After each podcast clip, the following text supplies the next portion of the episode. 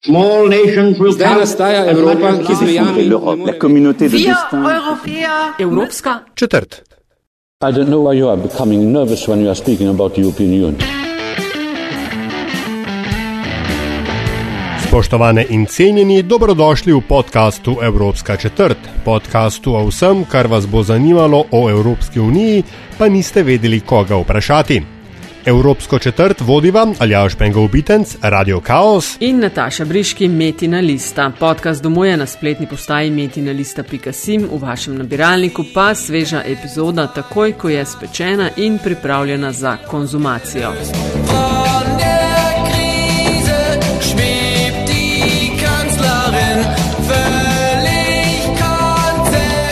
Sledi epizoda, ki jo v celoti posvečava eni najmočnejših evropskih voditeljic in eni od zvest uvodne špice našega podcasta, nemški kanclerki Angeli Merkel. wir alle uns sozusagen in einer Sphäre befinden, in der wir uns noch nicht so gut auskennen. Ich habe früher dazu mal Neuland gesagt.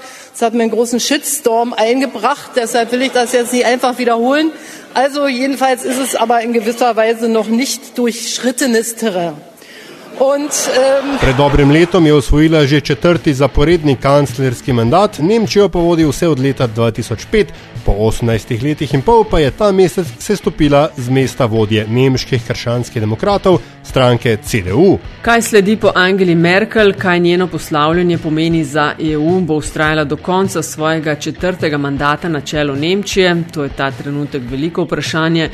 Kakšna je Angela the Great, muti Queen of Europe, to je le nekaj vzdevkov ali až s katerimi so jo pogosto imenovali. Kakšna je, ko ugasnejo kamere?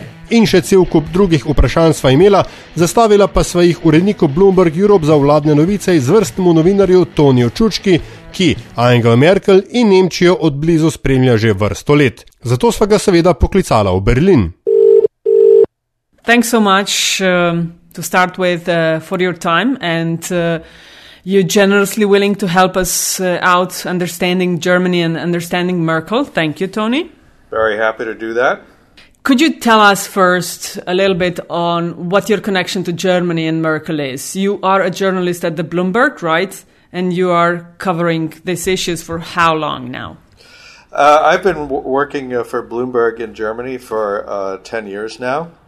Uh, first as a reporter, with uh, which meant following um, Angela Merkel um, on domestic and international uh, trips and events, uh, big and small. And now, in the last four years, I've been the editor uh, of a team of political reporters.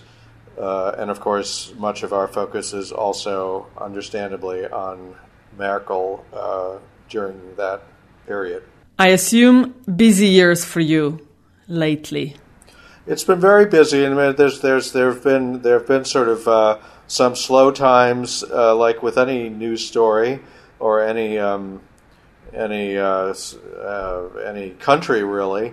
Um, but it was really uh, as soon as I happened to arrive in Germany, the uh, European or eurozone debt crisis started, which, as we all know, was extremely dramatic uh, and led Merkel to sort of the peak of her popularity, uh, which is odd in a way, but it did. And then uh, also the, since 2015, because of the refugee issue, we've uh, we've again had a very busy time. Um, uh, in some respects, there are not just Germans but Europeans who have basically became aware and of themselves and have come of age, knowing only Angela Merkel as the Chancellor of Germany. I mean, how important a figure she is for the I don't know, last 25 years or 30 years of Europe.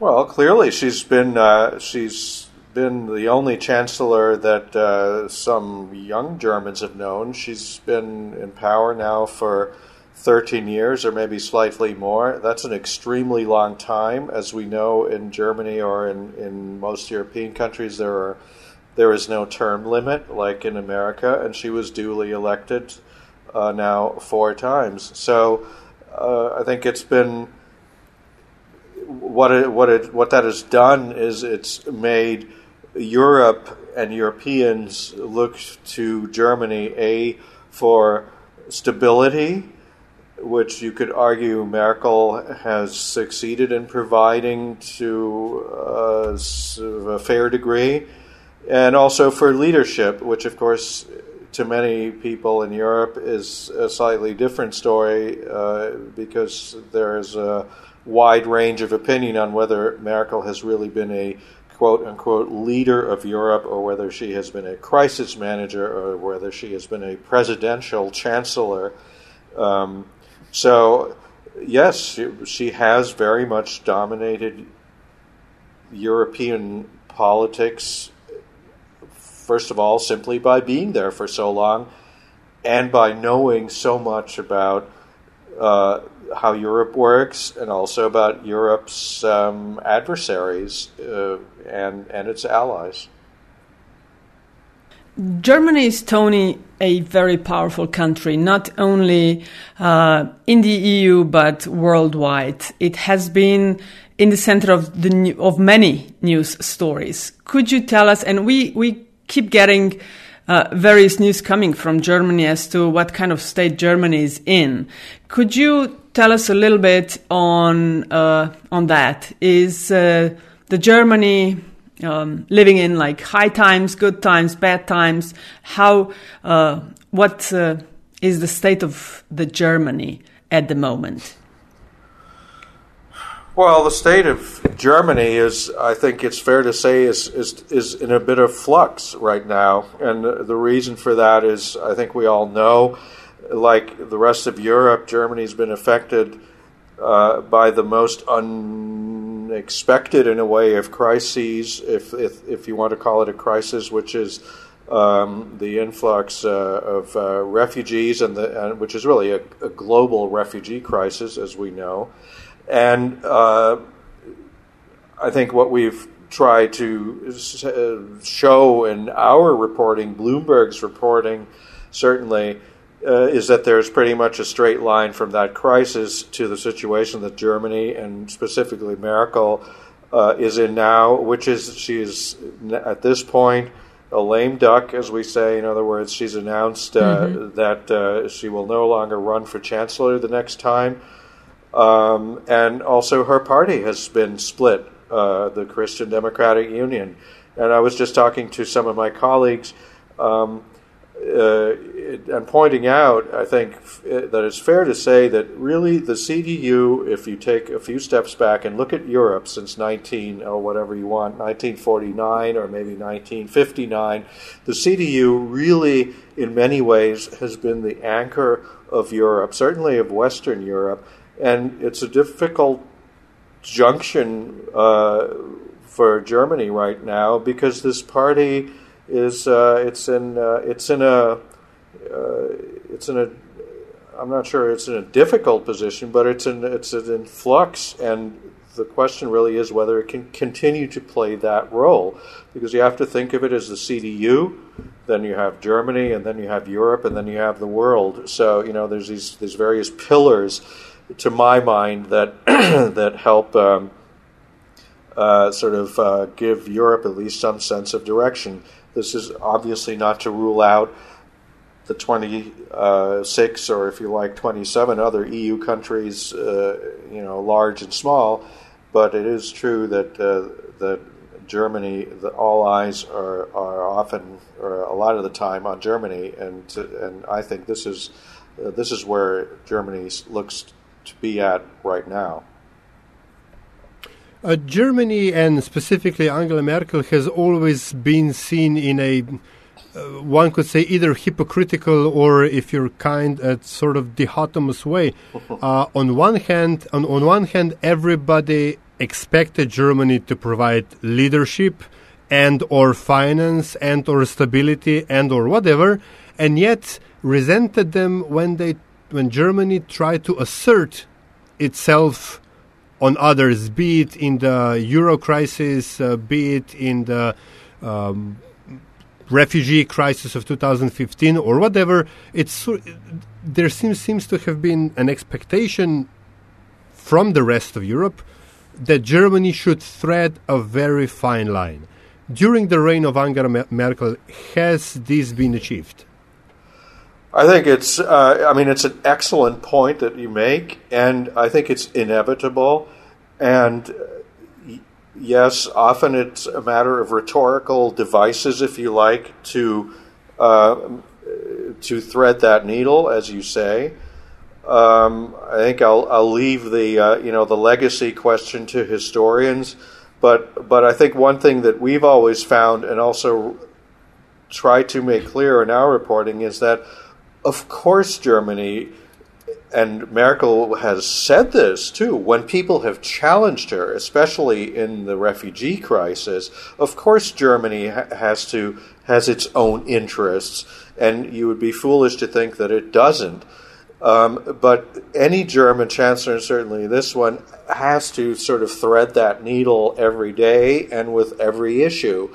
And so, yes, when it came to the German car industry, well, I mean, does Germany lobby for lower emission standard or you know um, more lenient emission standards? Yes, of course, because you know the executives come to Merkel and tell tell her, you know, this is really difficult for us, and think of how much we export and how important, how many hundreds of thousands of jobs we provide. It's like in, uh, Germany is not exceptional in that in that case, and and no German chancellor would survive if she didn't uh, or he didn't take that into account.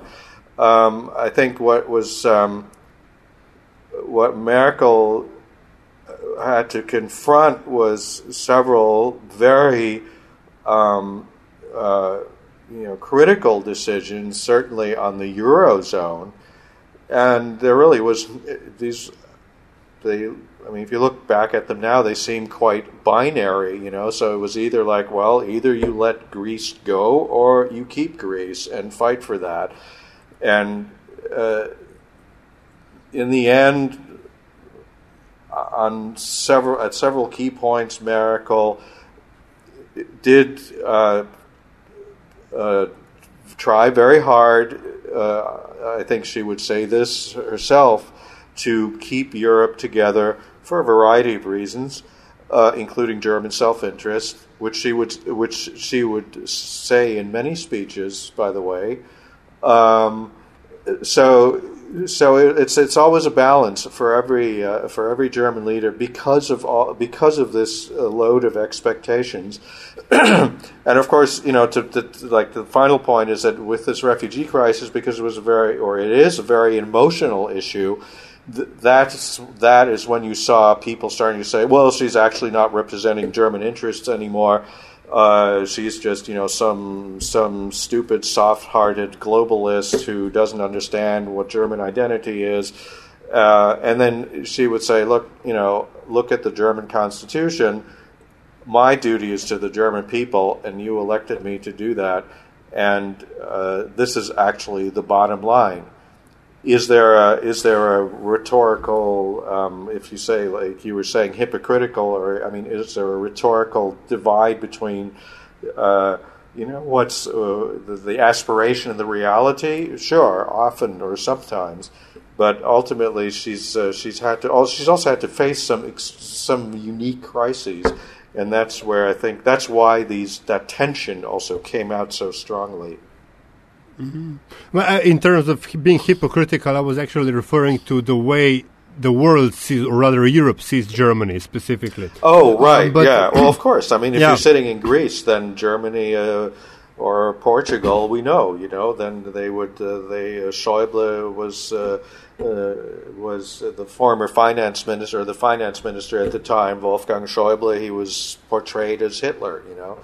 I mean, yeah, Yeah. which just shows you how thin the veneer is, also, of course, of the of the um, of European unity. But uh, um, but yes, of course, it, it was uh, it was seen absolutely as, as uh, I mean, hypocritical. should be, yeah, or should should be uh, seen as a uh, benevolent provider, if you will. But anyway, uh, there there is Right. a, a very good point you mentioned there, Tony, uh, about um, accusations regarding Merkel that she did not have, she does not represent German interest uh, um, anymore, or at least not entirely. But there is, in a certain way, some truth to that because with the advent of Trump and Trumpism in general all over the world, she has now, for better or for worse, become regarded as quote unquote the leader of the free world.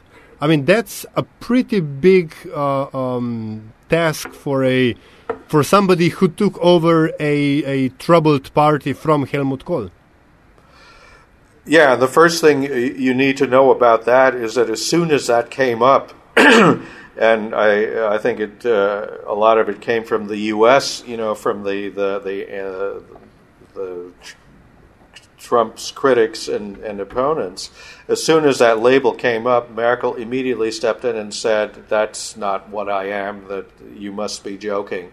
Basically, because she saw, first of all, because she's a very down to earth person in many ways, and doesn't like this kind of the, the these these these um, um, uh, what's it called? You know, these kind of soaring.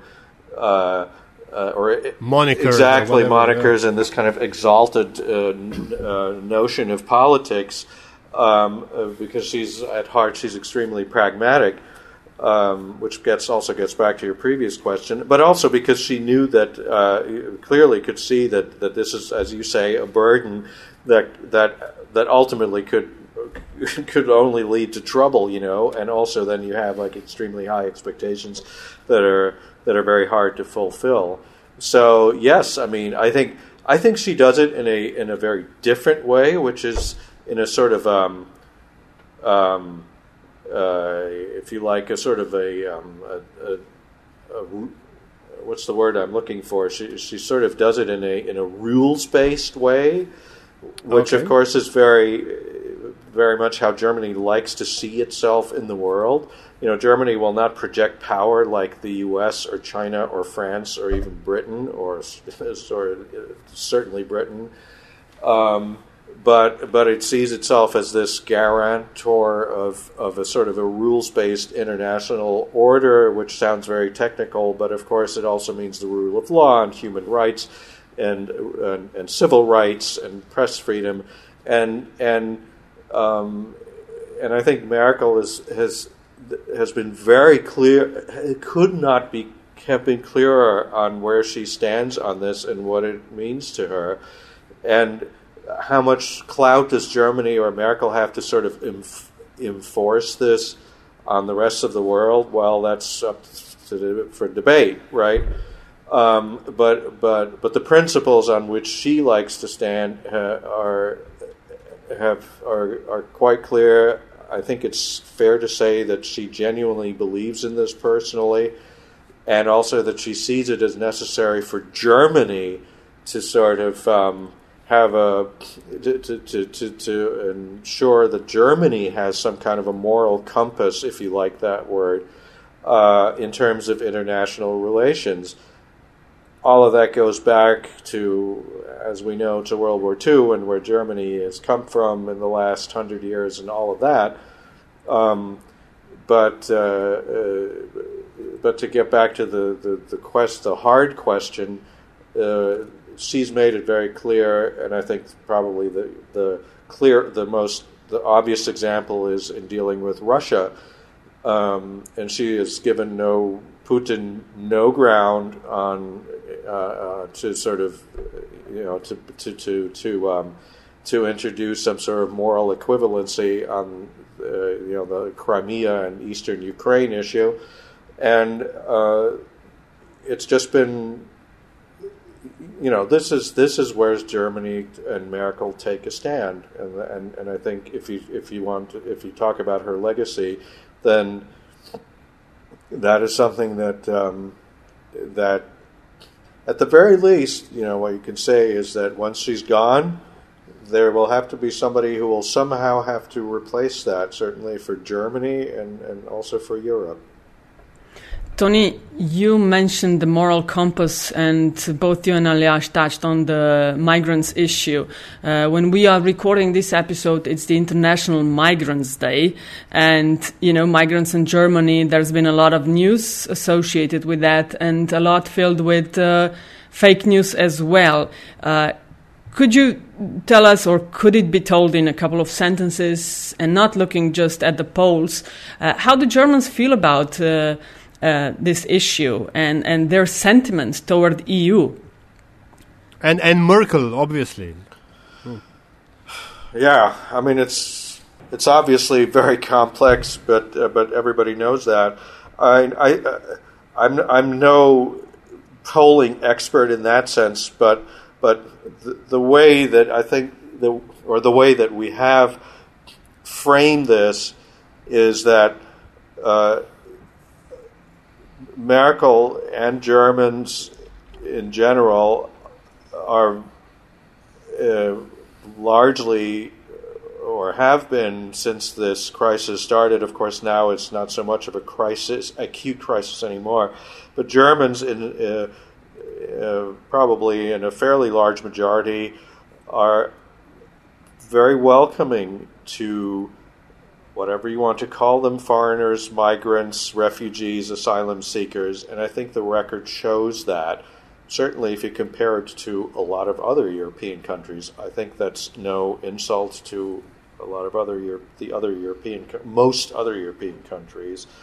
Um, uh, I think what what probably uh, upset Germans and caused the backlash that you then saw in a series of elections, including last year's national or federal election, uh, was that they felt that the government somehow did not control its borders anymore, and that Merkel kind of took that in stride and said, well, we'll just have to deal with it. That's a tough call, you know, for any politician to make. And, and she just and uh, she used this phrase that she doesn't use anymore in German, "Wir schaffen das," which sort of means, "Oh, we'll get through this." Das Motiv, in dem wir an diese Dinge herangehen, muss, sei, muss sein, wir haben so vieles geschafft, wir schaffen das. Wir schaffen das und wo uns etwas im Wege steht, muss es überwunden werden, muss äh, daran gearbeitet werden und der Bund wird alles in seiner Macht Stehende tun, zusammen mit den Ländern, zusammen mit den Kommunen. And genau that, das. that, to the best of uh, our knowledge or analysis, that is that is really what what caused the problem. I think it's also clearly that she kept telling them that there would be a European solution. In other words, that other European countries would step up in a bigger way. And, and as we know, that is absolutely the opposite happened, except for very few countries. Um, and I think it was, uh, I think the sense was that Germany was just taking on a burden that it shouldn't have taken on to such a large, to such a, uh, um, you know, in, in such a large scope, uh, all at once and and that's uh, it's it will define her legacy. And uh, and as we wrote many times uh, how she explained it which is something that an argument that you can't just reject out of hand as being um, you know uh, uh, uh, hypocritical or or or self-serving or right self-serving is that that you know if once you start closing borders in Europe, this entire edifice of borderless Europe will collapse. And it was another one of these point, points where Merkel sort of took a principled position and then didn't move from it, uh, you know, didn't budge from it. Um, Probably because her advisors, and she has a very small group of advisors, and I think I think it's fair to say that that chancellery in Berlin can sometimes, like many uh, centers of government, be very insular, but probably also because her advisors were telling her, "Don't, don't blink, don't blink." And She dominated. She dominated European affairs and was kind of holding it together. Or sh- she still dominates European affairs. And looking at the turmoil in Europe, the Brexit, the protests in France, uh, her decision to step aside, um, I might say it's not happening at the very best of moments. What do you think? She'll certainly leave a gap when, if and when. Well, I mean, she will definitely step down by 2021. She said so, um, and she'll definitely leave a gap when she goes. I mean, for all of those reasons. And she's. Uh, I mean, just a footnote to that. Uh, or parentheses, if you like, they uh, she's made it very clear that this is the one thing that she will that she wants to focus on until she goes. Whatever that means in practice, I'm not sure it's terribly clear at this point. But you know, she doesn't want to. Certainly, the one thing is she doesn't want to be remembered as the woman who sort of presided over the in the, the start of the breakup of or, or the fracturing of Europe. So yeah, I mm-hmm. mean, she is leaving at a at a at a difficult time. That said, who, if you look at German politics, the most likely winner of the next election will be the CDU CSU because that's just how the numbers shake out, unless there's some massive disruption of the political system. And the next leader, or I mean, the next um, um, candidate for chancellor, in other words, to replace, to succeed Merkel, will almost certainly be somebody who is generally pro European. Now, does that reverse Brexit? Well, uh, who knows? But uh, does it, you know, prevent countries in Eastern Europe from sort of challenging the EU on on some very fundamental issues? Uh, possibly not. But what it could show, I mean, I mean, obviously this is completely speculative at this point. You know, what it could show at that point in 2021 or, or, or before is that there are limits to this populist and nationalist wave, uh, and that Germany will not travel down that path to any uh, great extent.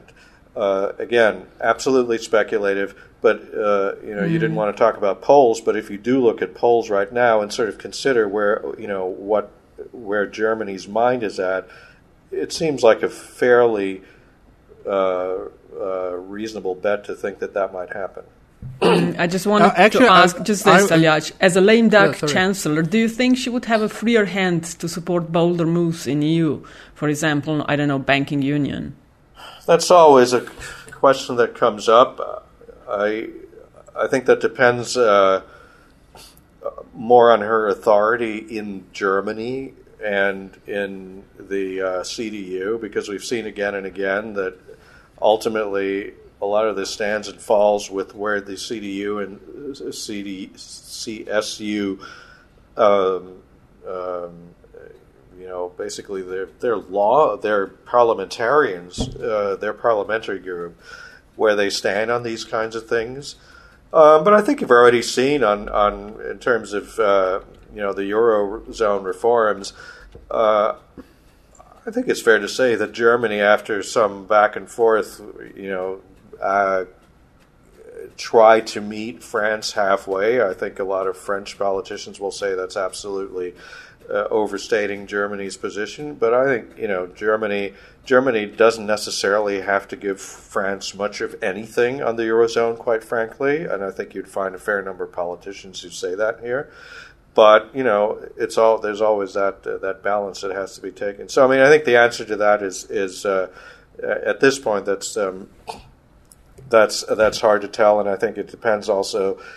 Quite honestly, I think it depends on a number of factors beyond Merkel. Also, a broader set of factors, also the economy and the ECB, and you know various things. But it, it can mm-hmm. make it it could make it easier if she wants to, and I think that's something that 2019. If you were asking me like what to look to what to watch for in 2019, that's actually an issue to watch for in 2019. How that plays out. And um, since you mentioned polls and everything, uh, Germany that Angela Merkel took over from uh, Gerhard Schröder, I believe, uh, is in a very was a very different place than Germany today, both politically, both economically. I mean, both politically and economically, and otherwise. And we've seen uh, this fairly interesting trend, as you were mentioning, the populism and its limits in Bavarian elections in what November or late October that contrary to expectations of the CSU which drifted far right hoping to capture voters that have been sort of um, lured by the uh, AFD that there was a rise in popularity and in power of the Green Party. And this is the same trend that's being noted in the national in national polls. So, what sort of Germany, in terms of a world outlook, is Angela Merkel leaving? Yeah, exactly. You make an excellent point. I mean, it's. Uh, uh, I think the answer is is right there in the question. I mean, she's leaving a, a, a country that, if you if you even remotely believe the polls, where about fifty percent of the people, um, or even more than fifty percent, because some of the other parties also are, are roughly in the same uh, political direction, uh, have a, a uh, maybe not liberal in the American sense, but certainly a sort of a middle of the road and pro-European and and um, uh, you know um, uh, socially middle of the road kind of approach. So. Uh, and everybody always says that uh, her downfall or the challenge within her own party was that she moved the CD, CSU, or certainly the CDU, her own party, to the left, quote unquote, or out of the center, um, because her affinities are, uh, you know, sort of drift toward the green, which, by the way, as as I think we would agree, is very much an establishment party now in Germany, not some kind of radical protest movement. Um, but uh, but where does it leave Germany? I think it leaves Germany very much uh, centered. It leaves it with a more fractured party system, but it leaves it quite grounded in a sort of a moderate to slightly progressive, um, by American standards, uh, uh mindset that um, she can. I'm sure she's. I mean, this is me saying this, obviously, but I'm sure she can very much live with that.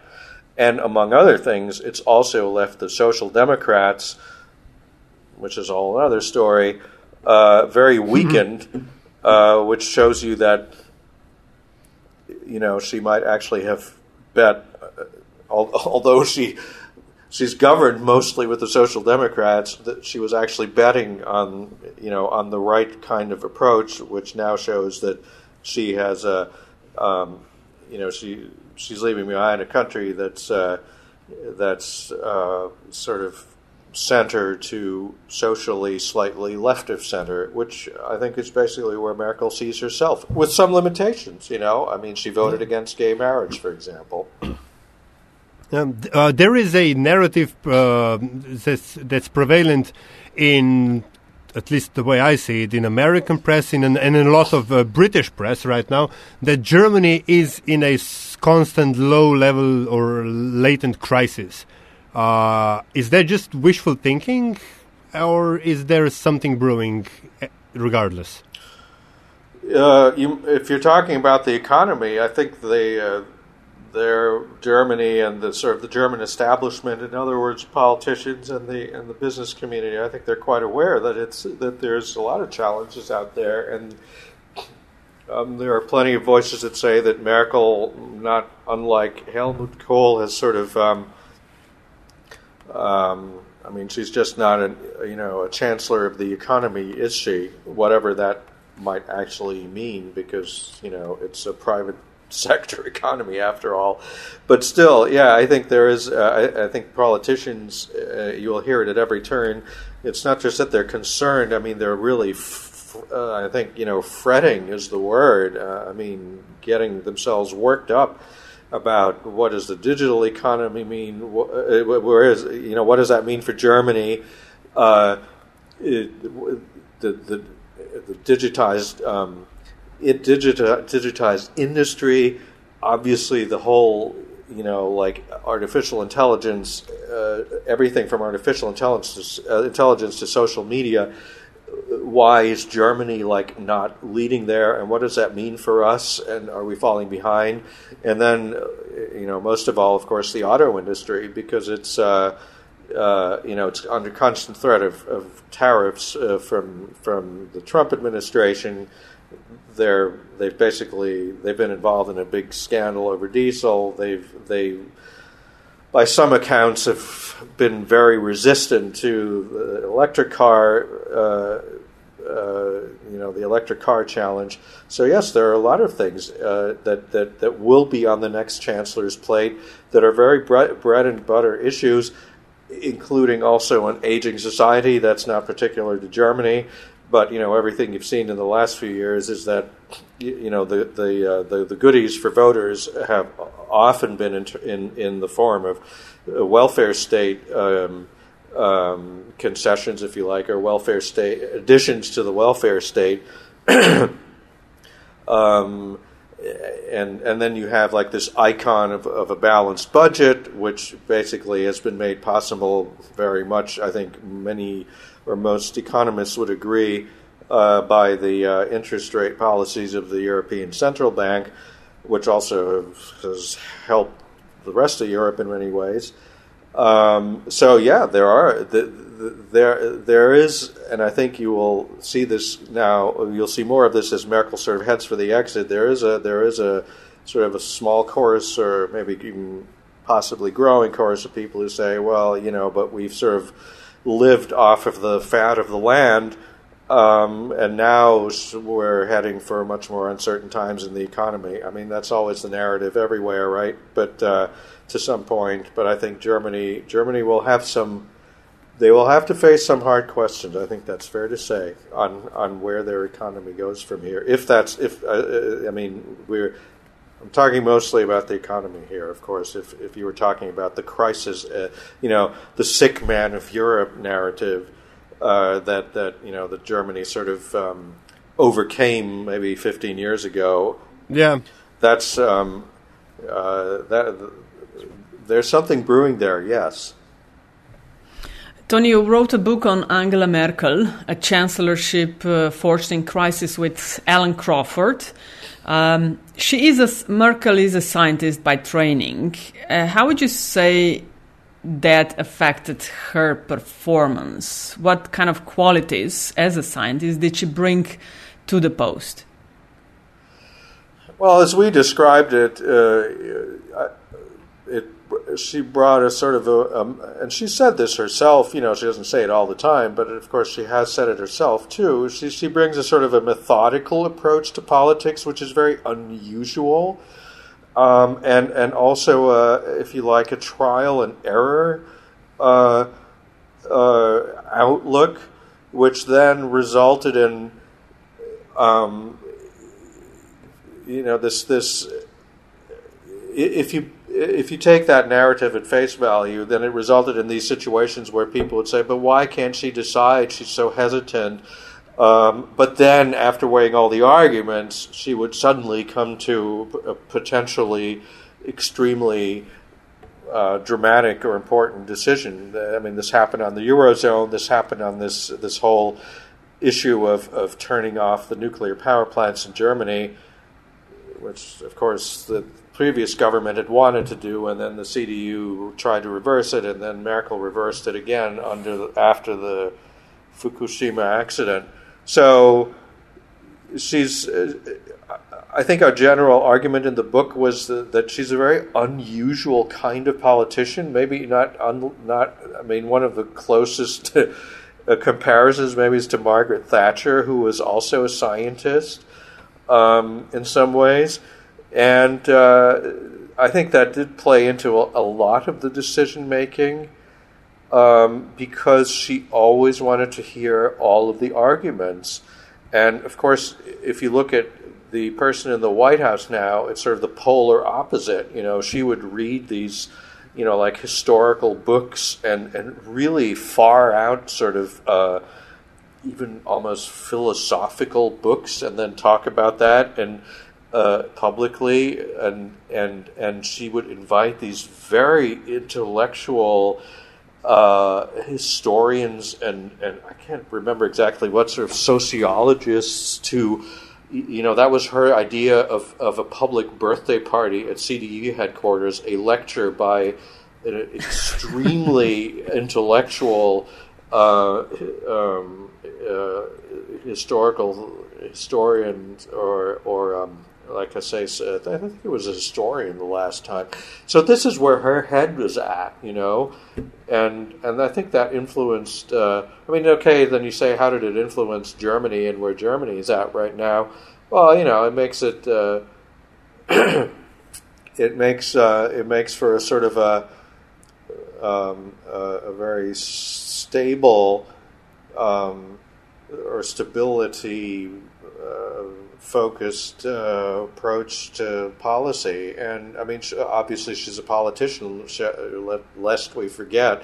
And she realized that this went over very well with the German electorate, or much of it anyway, uh, who, who, you know, everybody will tell you uh, basically are, are very uh, stability oriented, for lack of a better word. You were among rare journalists who had the opportunity to attend quite private meetings with Chancellor, with Angela Merkel, behind the scene. What kind of a person is she when there are not like uh, gazillion cameras? Yes, yeah. Well, the one thing that I always uh, found uh, sort of fascinating is that she could be, she has a sense of humor, absolutely. Um, and and she could be almost girlish uh, sometimes in in these you know when you would see her up close and with fewer people around and sort of get a kick out of something something funny you know and and or something you know not not some sort of deep or sarcastic or crazy humor but out there humor but just something very basic. And I think that was like uh, that that was uh, that was one thing and and of course the other thing is that uh, you know she was she doesn't have she didn't have to act uh, uh, at being you know down to earth because I think she genuinely is. And um, that was just something I mean I'm sure working with her could be like if you weren't on her side or got on the wrong side of her could be as awful as working with anybody but you know, as a as a you know, in, in these slightly private or le- less public situations, those are two things I came I came away with. Uh, her her this kind of hidden um, um, uh, what do you call it? Sort of subtle kind of humor and a uh, um, and and really a very um, her wish almost to be normal and and not uh, go into flights of fancy uh, about herself also. And I think you know I think it's fair to say, um, and sh- she only would hint at this very occasionally. Uh, you know, of course, it's also very much a female kind of you know approach to power. I mean, that's a cliche uh, in a way but I think she certainly embodied that. And you know, everybody who ever compared her to say somebody like Schroeder, who had his undeniable qualities as a politician and a chancellor and a and a leader and a negotiator too. Um, what do you uh, mean by female approach? I think she just uh, she and the record shows this. She could outplay you know men by playing to their weaknesses you know their their egos and their their sort of their macho sense of of power. Um, and just kind of by being completely cool and clever at negotiating and sort of uh, letting people with big egos which is kind of you know what I meant uh, let them self-destruct uh, has there been uh, um, resentment or under uh, underestimation of Angela Merkel, especially at the beginning of her uh, leadership career, on account of her gender? Uh, on account of her gender, for sure, within her party, I think that's fair to say. Also, uh, on on account on various accounts, she was. underestimated also on it because because she was quite young at the time, um, uh, she was a woman in a very male dominated and even today still quite male dominated party, political party. And she was from East Germany, which is like, you know, they're the poor cousins still today. I mean, in many ways. And uh, so, yes, I mean, absolutely was she underestimated, um, and also because she was a woman. Uh, and, and I mean, I have no, you know, there's no way to really prove this, but you know, I, I, I mean, I suspect that she was also out to, she was even maybe um, unconsciously um, out to prove that, you know, um, that. Uh, or no, let me put it differently. I think it might have it she might have been additionally motivated by the fact by by the um, um, you know the um, the her her by a wish to, or will to, to, to demonstrate that a woman could succeed in in this uh, you know in this German political system. I that- think that's quite fair to say. Das sie schafft das, yeah. Yeah, exactly. As schafft das. Yes. Angela the Great, Mutti, Queen of Europe. Uh, were there any other names she was called? Do you remember well, any? There were some unprintable things that I think she was been called, and uh, including most recently, uh, r- reportedly, we didn't- we uh, we only heard this. Uh, I mean, I shouldn't really talk about it secondhand, but. Uh, uh, uh, anonymously, you know that, that, for example, Friedrich Merz, who was now this this kind of old guard CDU candidate who was hoping to replace her or was running to replace her as party leader, that he said some quite disparaging things about her privately years ago. You know when she because she has she he was one of these men whom she had outmaneuvered. You know on the way to the top. So there was that. I think. Um, uh, I mean, you have to say that she was called uh, awful things. Uh, I mean, politically inflammatory or incendiary thing uh, uh, uh, labels by the, AFD and its supporters, which used to, of course, be something that you would only have on a basically on a sort of a neo-Nazi fringe. But now, it, with the AFD, it came more. It, it, it moved uh, more. That kind of labeling moved more into the mainstream. You know, traitor to the people, uh, um, uh, and you know, and all kinds of just um, you know ad hominem insults uh, that that normally you know that just were outside the bounds uh, until now. So she's been called. Uh, you know, she's uh, the uh, you know, it's gotten much rougher for her. I mean, these were things that she would normally, un- previously, would be called, you know, in Greece or something because they were, you know, uh, they blamed her for like the worst recession in human memory. But here, of course, it came came with the refugee crisis. I, I know everybody has to run, but I I have two sh- um, uh, short questions more. Uh, first of all, uh, now that she will, is a, she's about to to depart the the leadership stage, how do you think uh, will this affect the crafting of European policy specifically? If it weren't for Angela Merkel, there wouldn't be no Jean-Claude Juncker at the head of the European Commission because she fully supported the Spitzenkandidat uh, uh, uh, principle, which is apparently now in doubt or not.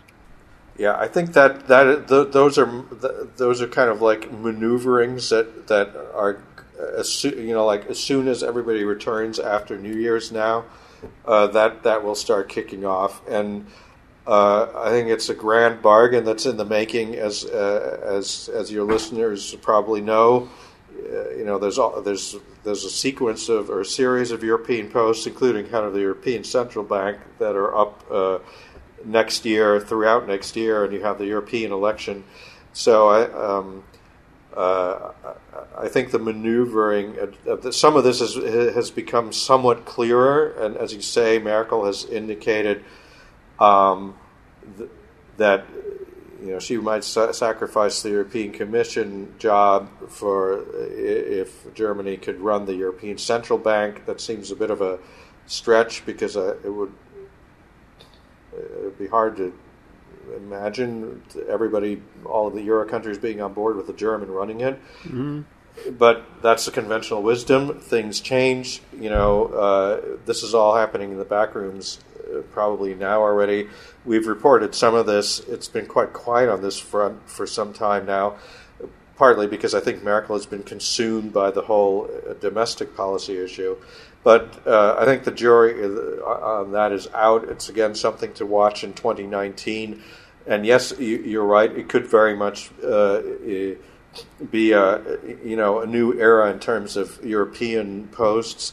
Uh, but the one thing that I think is uh, that you, you that will that's clear is that somewhere Germany will make its influence felt, h- however that comes out.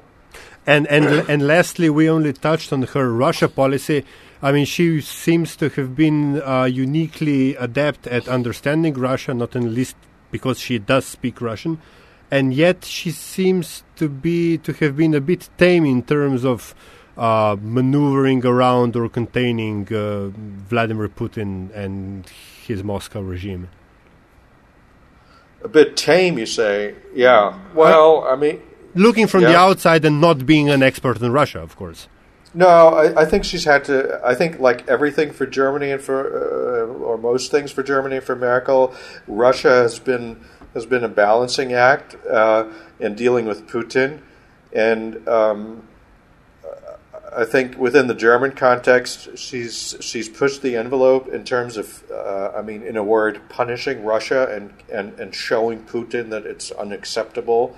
Uh, in her eyes, certainly, and also in the eyes of you know sort of fairly large segment uh, in, in Germany of the German political establishment um, that his actions have been uh, and are unacceptable, and uh, that Germany will stand firm on this. You have to you have to think that you know there, there's a lot of fair amount of pressure from the business community in Germany and also from from some segments of the uh, political sphere to basically kind of just you know give Putin a you know slap and say oh okay but it is Russia. They are they really are cultural allies and we need to be together much more with them and and so on. So I think again she's walked a line. They're a very fine line. She I, I, I think no German chancellor can can like get as hard um, or to put it differently can can sort of wield as much influence uh, uh, over Russia or I mean not wield influence again that's the wrong word but take action uh, uh, against Russia both on the positive and the and the and the hard uh, line side as say the U.S. even now under Trump despite all of his you know um, uh, unique relations with Russia. So I think um, I think the, my my only takeaway in terms of Russia has been that Merkel, for since the you know the Ukraine crisis started, Merkel has held a very consistent line on Russia, and um it's something that her um, her successor will have to uh, will have to deal with. You know. Okay. Tony, thanks so much uh, for talking to us, for sharing your knowledge and thoughts with the Evropska Četrt podcast. All the best with your future endeavors. Thank you very much. It's been a great pleasure. Thank you for having me. I mean, it's uh, it's uh, it was a great talk, and good luck with uh, with uh, with the podcast from here on in.